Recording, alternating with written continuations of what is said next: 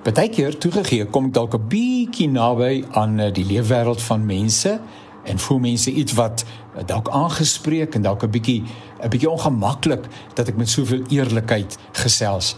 Ek wil tog hê dat jy moet weet dat uh, alhoewel ek met jou gesels, ek natuurlik die heel eerste adres is dat ek die Here vertrou vir 'n boodskap en dat daardie boodskap baie dikwels op myself van toepassing is. En is die lig daarvan dat ek Psalm 84 wil lees vanaf die 6ste vers. Trouwens is die tweede en die derde vers, verskoning tog, nê? Nee? Vers 2 en 3. En daar staan: "Hoe lief het ek u woning, Here Almagtige.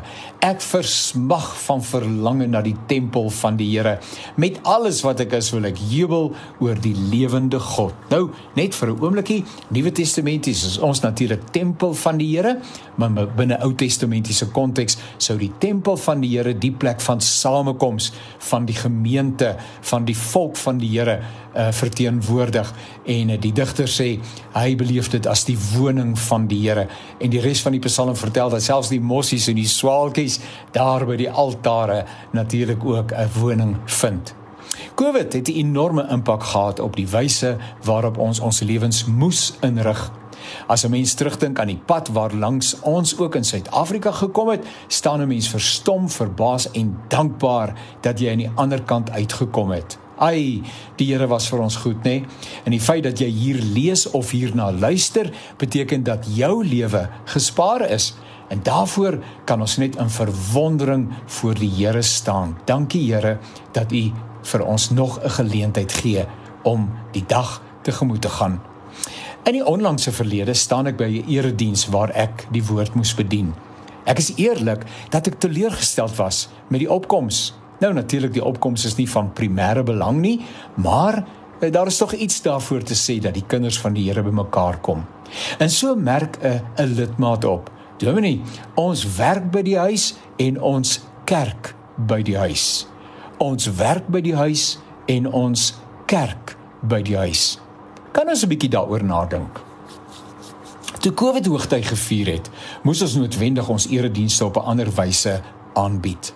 Dat gemeentes daarin kon slaag om in die verkondiging van die evangelie voort te gaan deur van sosiale media gebruik te maak, is skitterend. Nuwe vaardighede is aangeleer en die dominee het oornag 'n teleprediker geword. Om nuwe vaardighede te bemeester is 'n wonderlike ding. En dit het ook aan ander wat gawes het die geleentheid gegee om na vore te tree. Om die boodskap by mense te kon uitbring het inderdaad vir 'n span benadering gevra. En dit was en is steeds in 'n sekere sin 'n wonderlike stuk genade en 'n gawe aan die kerk. Maar nou is ons aan die ander kant van Covid. Ek dink ek kan maar met stellige sekerheid sê dat ons ver gevorder het. En ons is die Here diep dankbaar daarvoor. Sommige besighede het besluit dat werk en verantwoordelikheid afstandelik verrig kan word.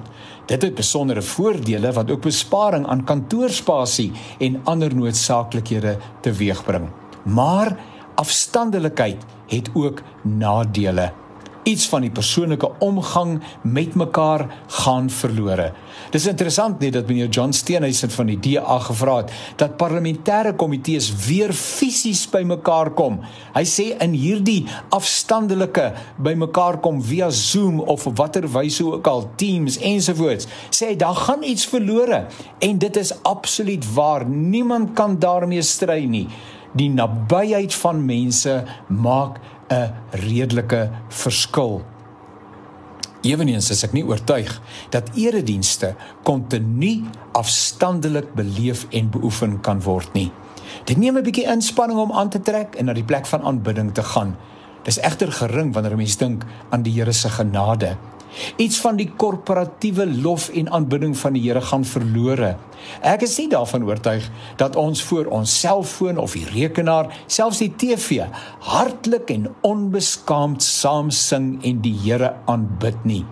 Iets van die belewing van die liggaam van Christus in sy plaaslike gestalte gaan verlore. Ons is ook by die erediens om mekaar te bemoedig en te ondersteun. Die koppie koffie na die tyd maak tog 'n verskil daarmee saam kom kinders nie meer by die kategese uit nie. Ouers se verbondsverantwoordelikheid word nie altyd meer nagekom nie.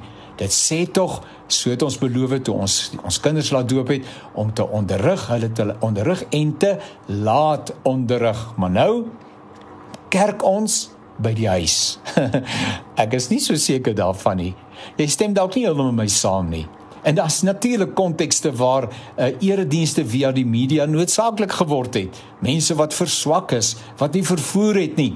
Daar kan 'n hele paar omstandigheidsfaktore wees.